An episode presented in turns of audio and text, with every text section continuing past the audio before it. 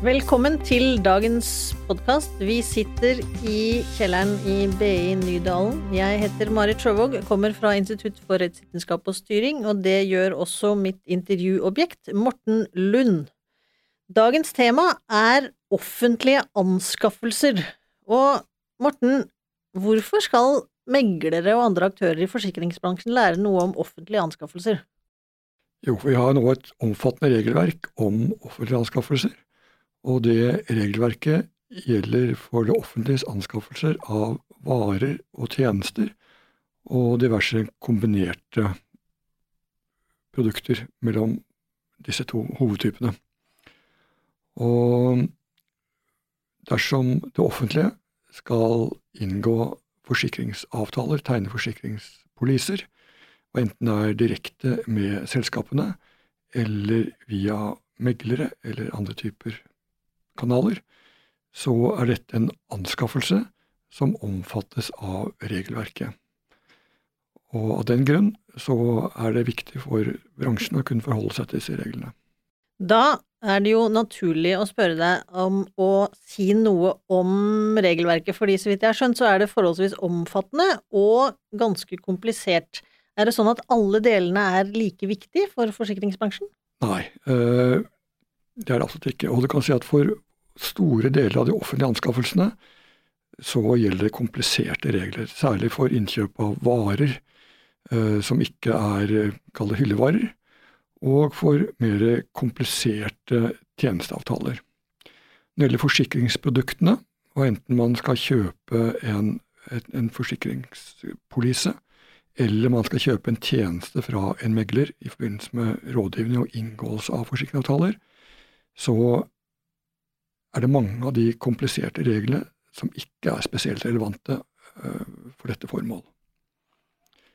Blant annet så er det jo vanskelige og veldig viktige regler som skal ta hensyn til miljø, bærekraft, innovasjon osv. Og, så og disse spesielle reglene, som er kompliserte og viktige, er svært lite relevante for de aller fleste, eller kanskje alle forsikringsprodukter og tjenesteavtaler knyttet til tegning av forsikringsavtaler.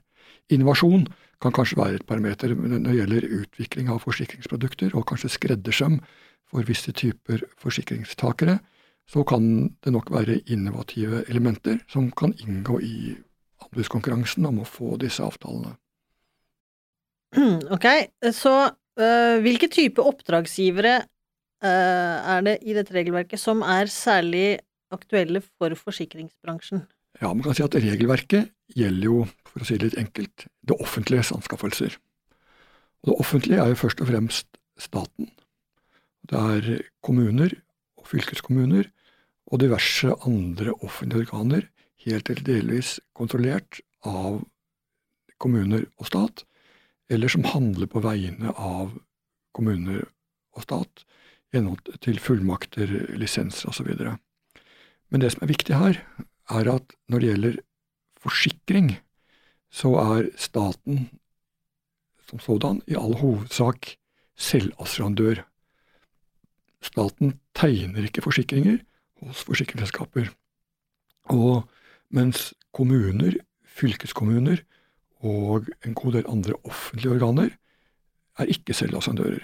Og dette var jo da dette, eh, dette krigsskipet vårt Helge Ingstad forliste og totalhavari, og eh, også antageligvis eh, må betale erstatninger ut til eh, det skipet det kolliderte med.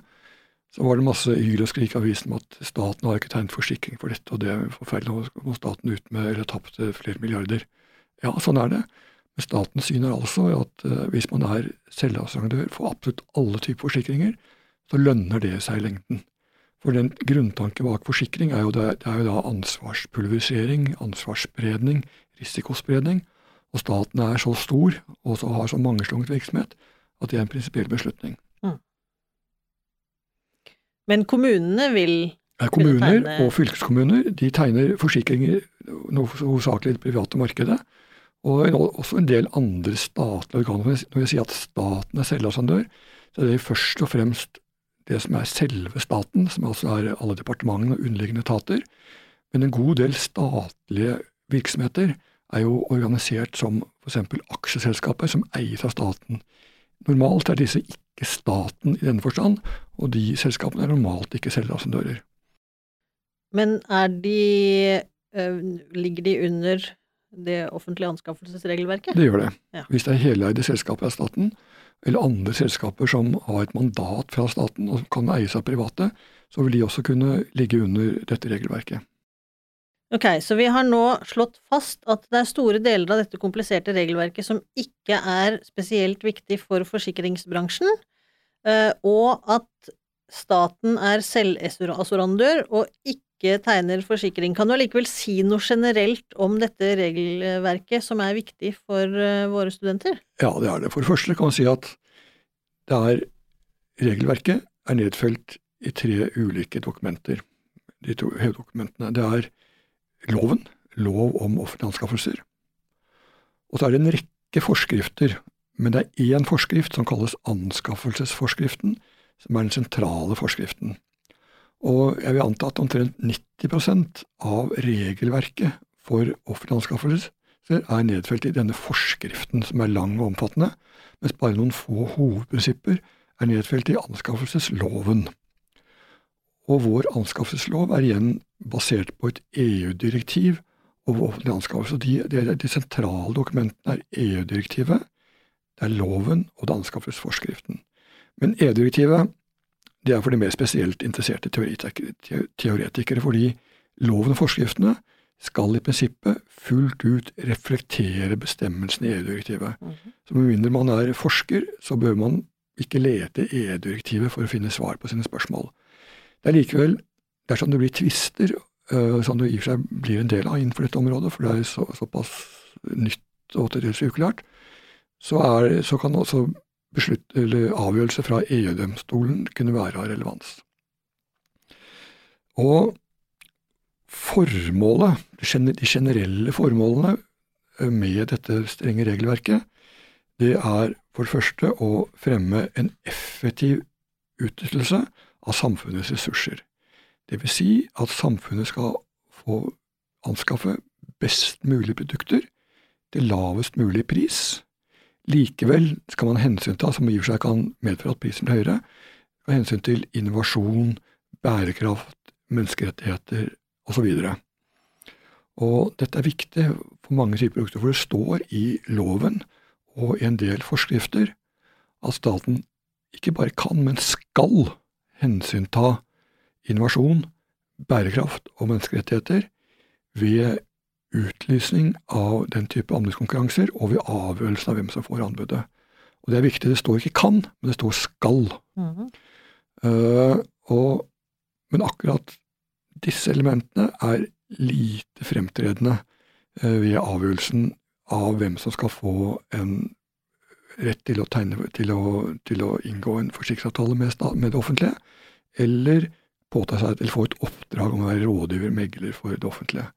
Det vil, som sagt, Innovasjon kan være et visst element. Her er det først og fremst pris og kvalitet som, som man konkurrerer på grunnlag av. Men i tillegg til dette med å fremme en effektiv bruk av samfunnsinteresser og til bidra til, uh, uh, til bærekraft innovasjon, så er det også viktig, et annet viktig prinsipp er åpenhet, gjennomsiktighet, slik at alle skal kunne se hvordan prosessen har foregått, og, og det skal kunne etterprøves. Og dette igjen for å skape tillit til at det offentlige opptrer med integritet, og de som får oppdragene, er de som burde fått dem, i henhold til regelverket. Og likebehandlingsprinsippet er viktig her. At alle skal ha en lik rett, hovedregelen til å delta i anbudskonkurranser, og utvelgelsen av hvem som skal få det, skal være basert på likebehandling.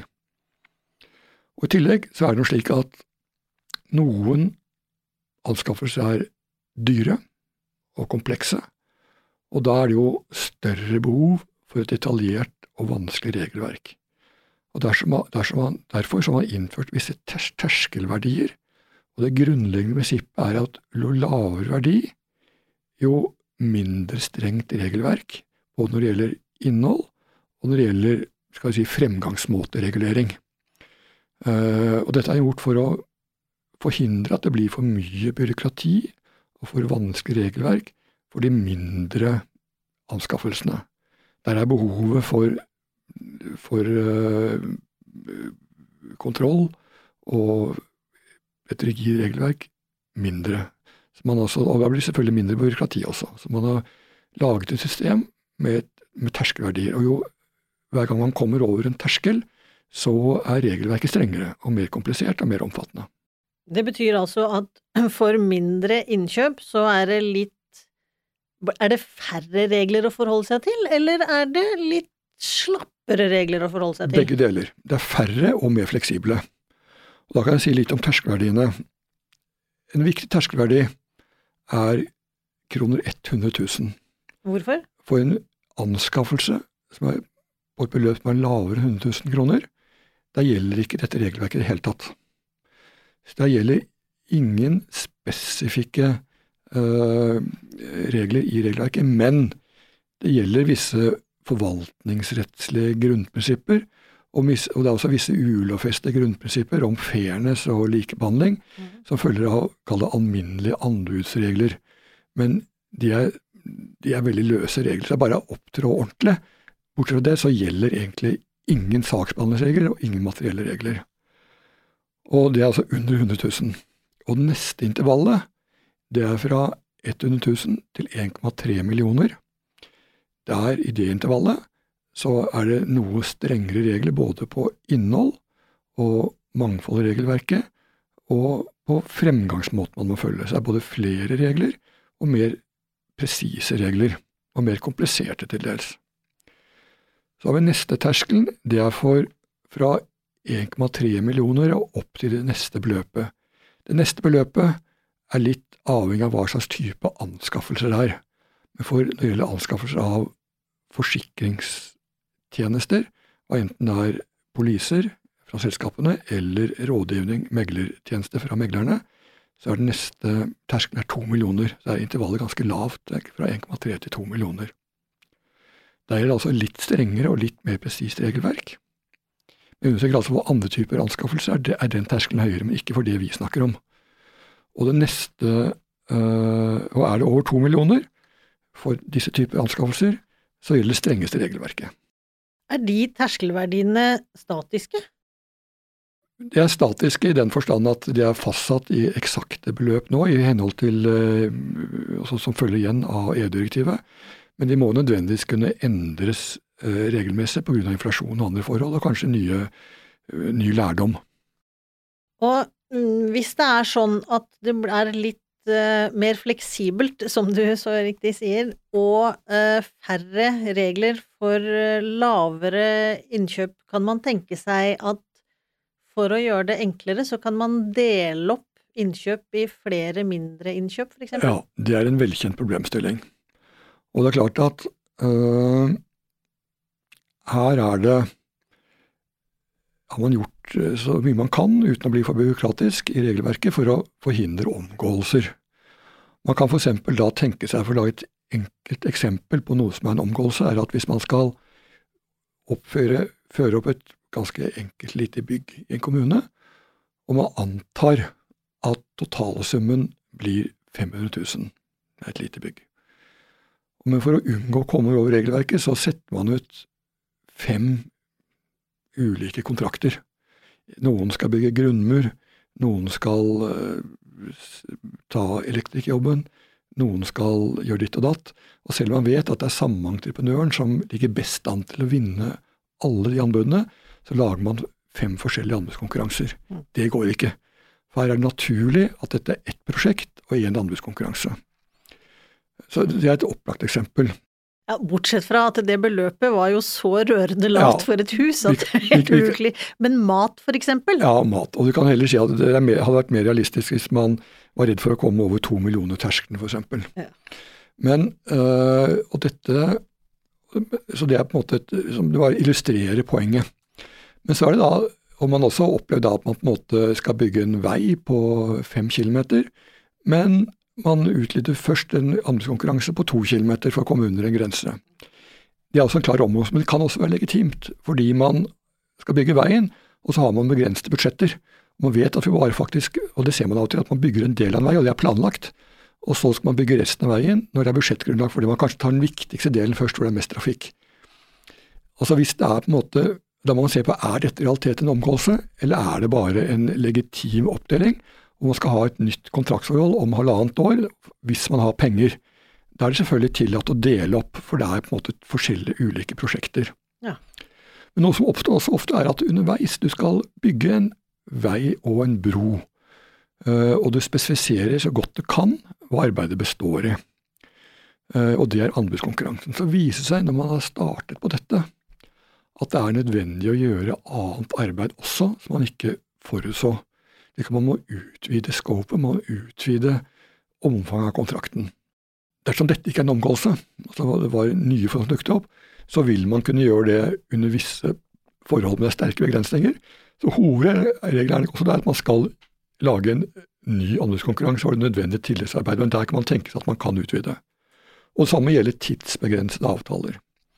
Og man kan si på, på de avtalene som er aktuelle for vårt formål, nemlig inngåelse av forsikringspoliser, forsikringsavtaler, og inngåelse av tjenesteavtaler om rådgivning fra meglere, så er det, vil det normalt alltid være tidsbegrenset. Man inngår en toårs eller femårs eller ettårs avtale om forsikring av kommun, alle kommunens bygg, eller pensjonsordning osv. Eller man inngår en korresponderende avtale med megler for to år, f.eks. Og da, når den perioden er utløpt, så skal det i prinsippet foretas en ny utlysning for neste perioden. Det er den klare hovedregelen. Men da man kan selvfølgelig Kommunen kan selvfølgelig velge å inngå en femårsavtale, men da er man bundet av den. Det er ikke sikkert at man ønsker det. Man ønsker kanskje å kunne stå fritt om to år. og Det er veldig vanlig at når det gjelder forsikringsavtaler, at den gjelder for to år. Det er, det er kanskje en hovedregel. Er det også øh, en tendens til at det er lettere å gjøre en ny avtale med en aktør man kjenner fra før, istedenfor å gå gjennom en hel ny arbeid? Ja, så Derfor er det på en måte ønskelig. Hvis man, har, hvis man har, hatt, har, hatt, en aktør og er veldig fornøyd med denne, så er det jo ønskelig. Men det er ikke, det er i utgangspunktet er ikke det tillatt.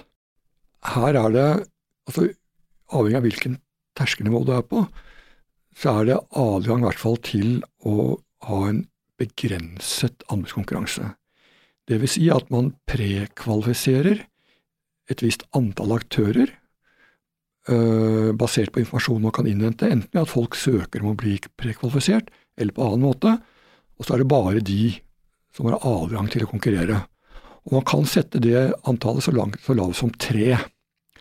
Og Det vil man kunne se kanskje hvis man har, hvis man har inngått en åpen anbudskonkurranse første gang man gjør dette, og så er man veldig fornøyd både med megleren og med selskapet.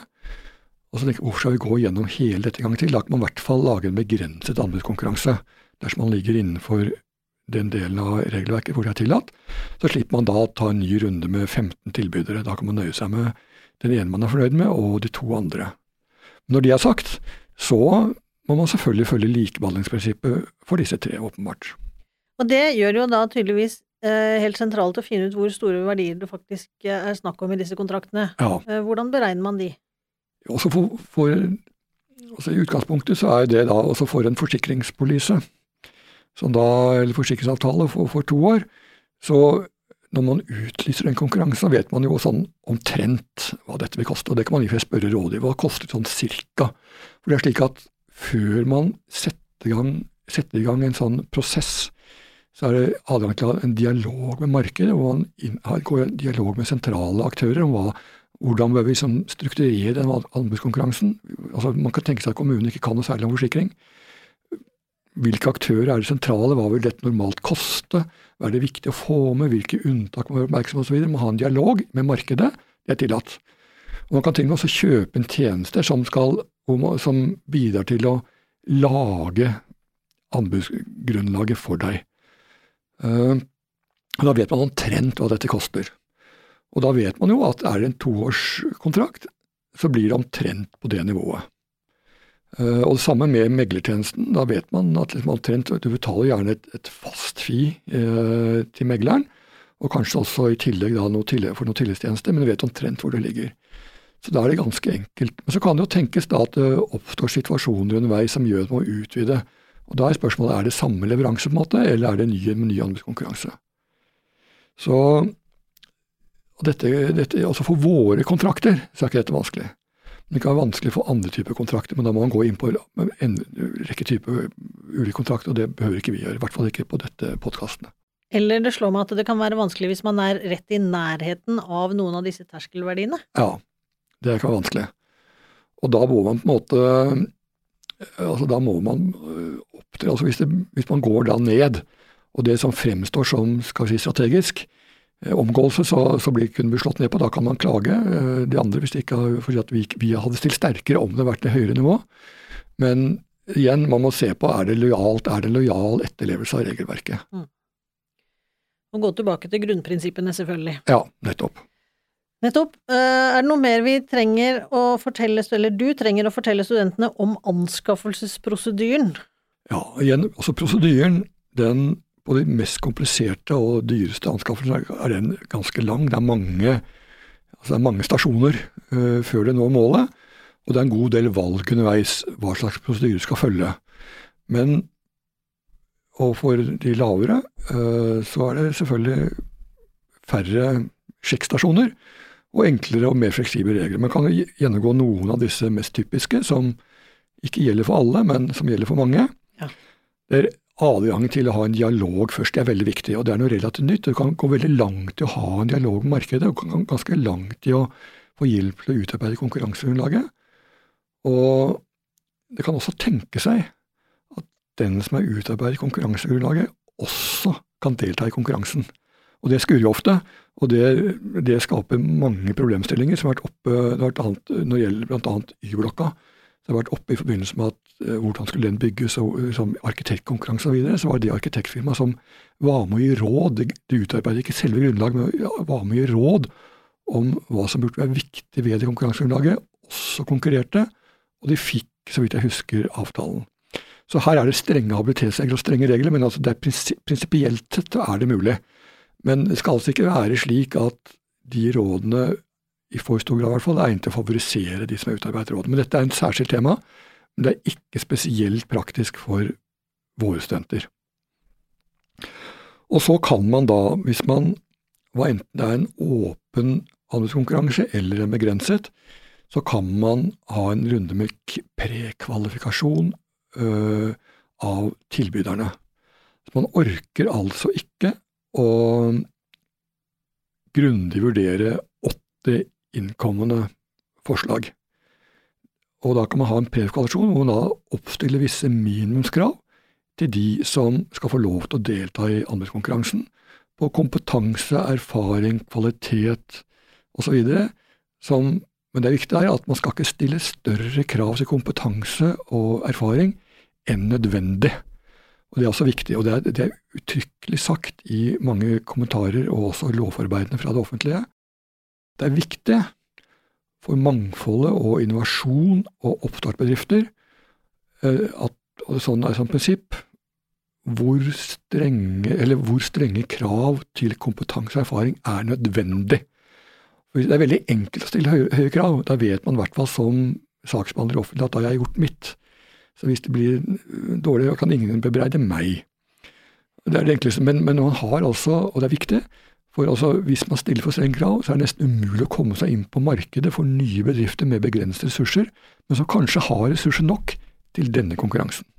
Må sånne prekvalifikasjonsrunder gjøre for bare én anskaffelse av gangen, eller kan man tenke seg et system hvor man er på en måte prekvalifisert inn i en pool av Nei, jeg, jeg, tror at man gjør det for den enkelte konkurranse, fordi er, hver konkurranse er ulik.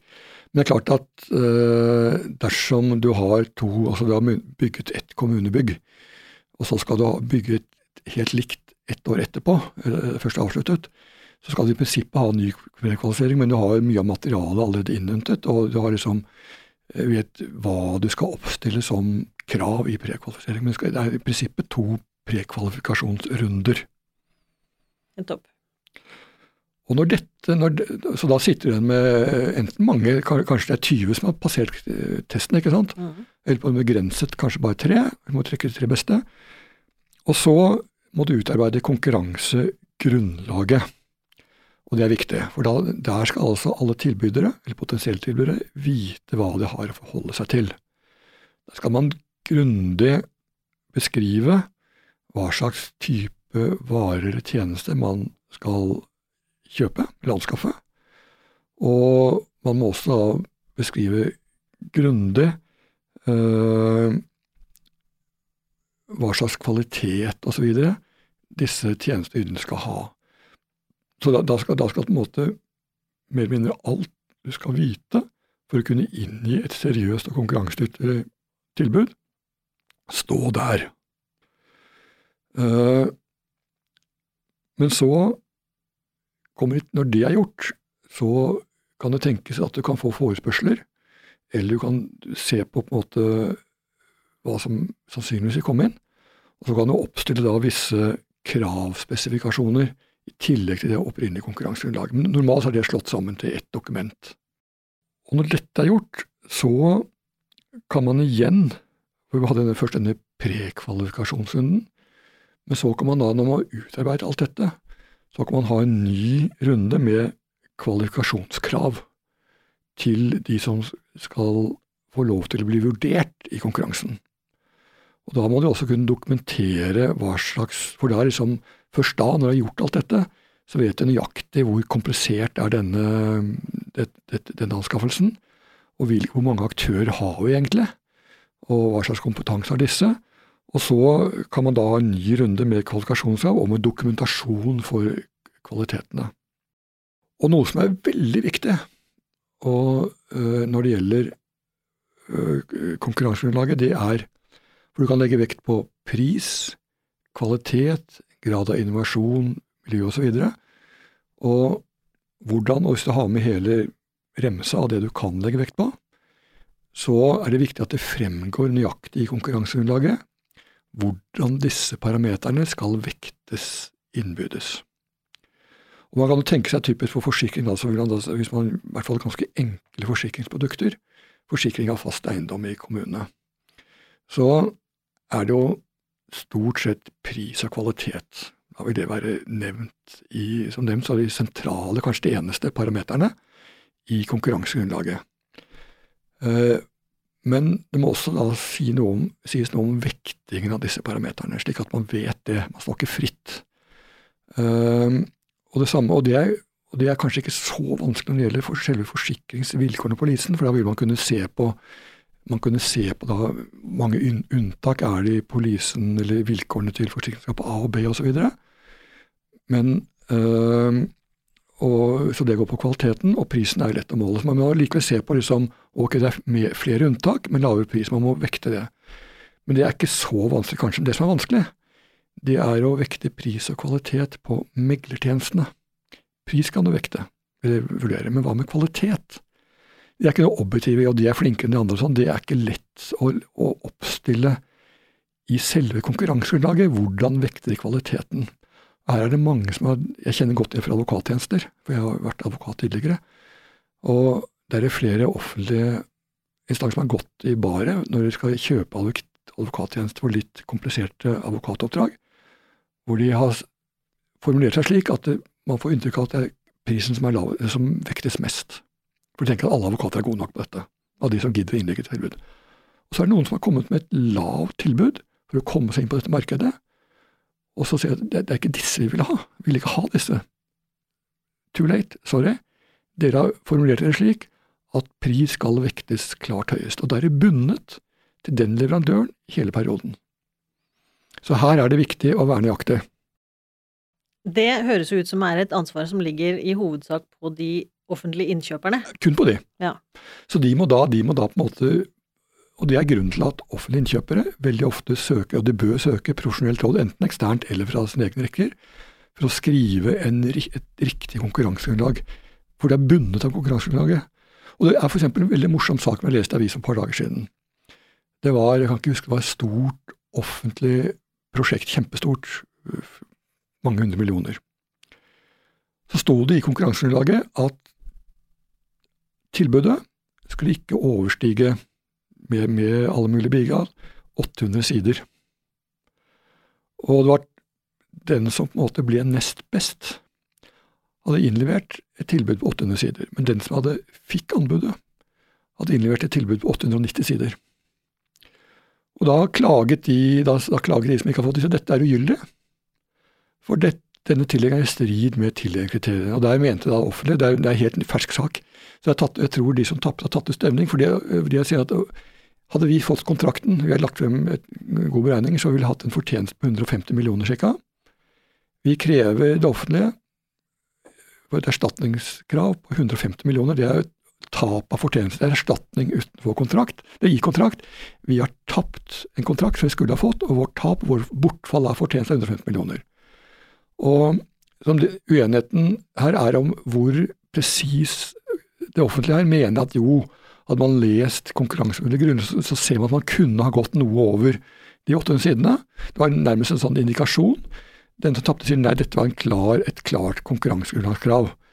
Og den saken, hvis de får rett, så For da er nemlig da staten allerede tildelt kontrakten.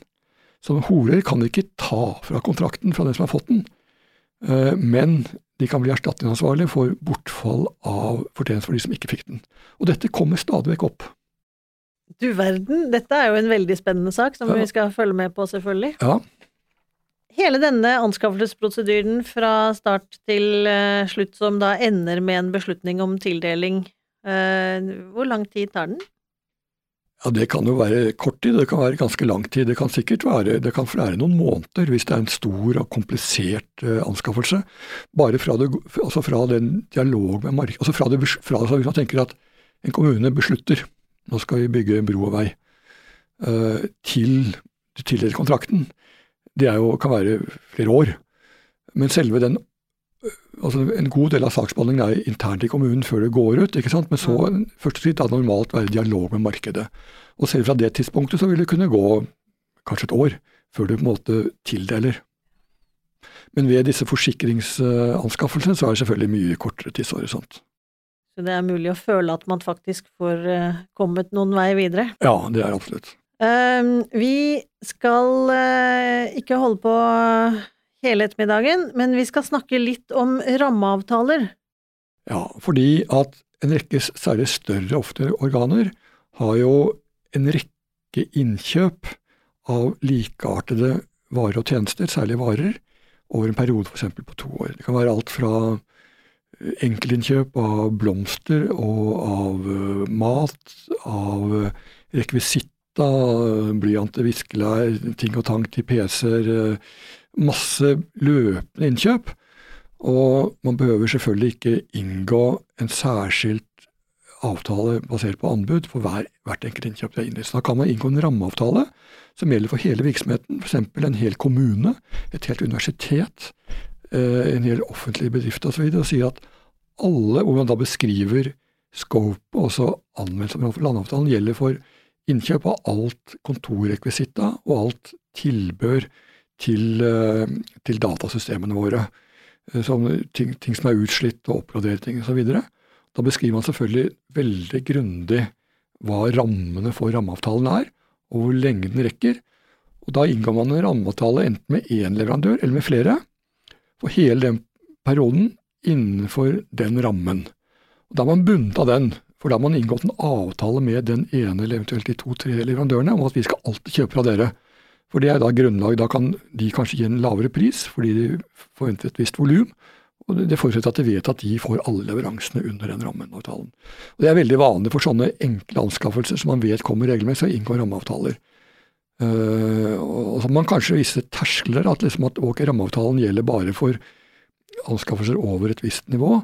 Uh, ganske lavt, fordi at det kan ikke være noe veien for at hvis man plutselig mangler 15 kulepenn, kan man løpe på veien og kjøpe det.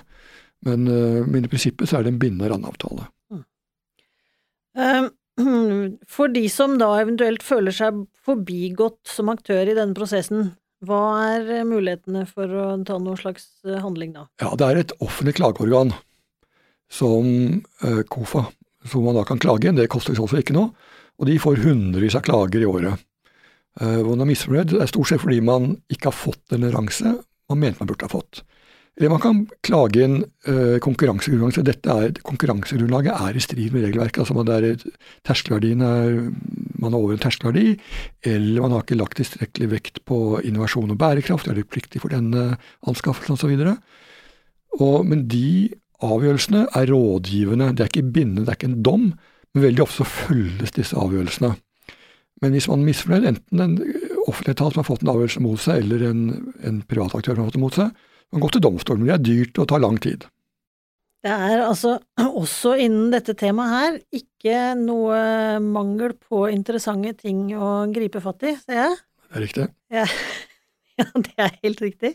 Jeg øh, tror at alle nå gleder seg til undervisning, sånn at de kan få lov til å fortsette å ta opp de eh, interessante og til dels kompliserte problemstillingene som følger av dette. Morten Lund, tusen takk. I like måte.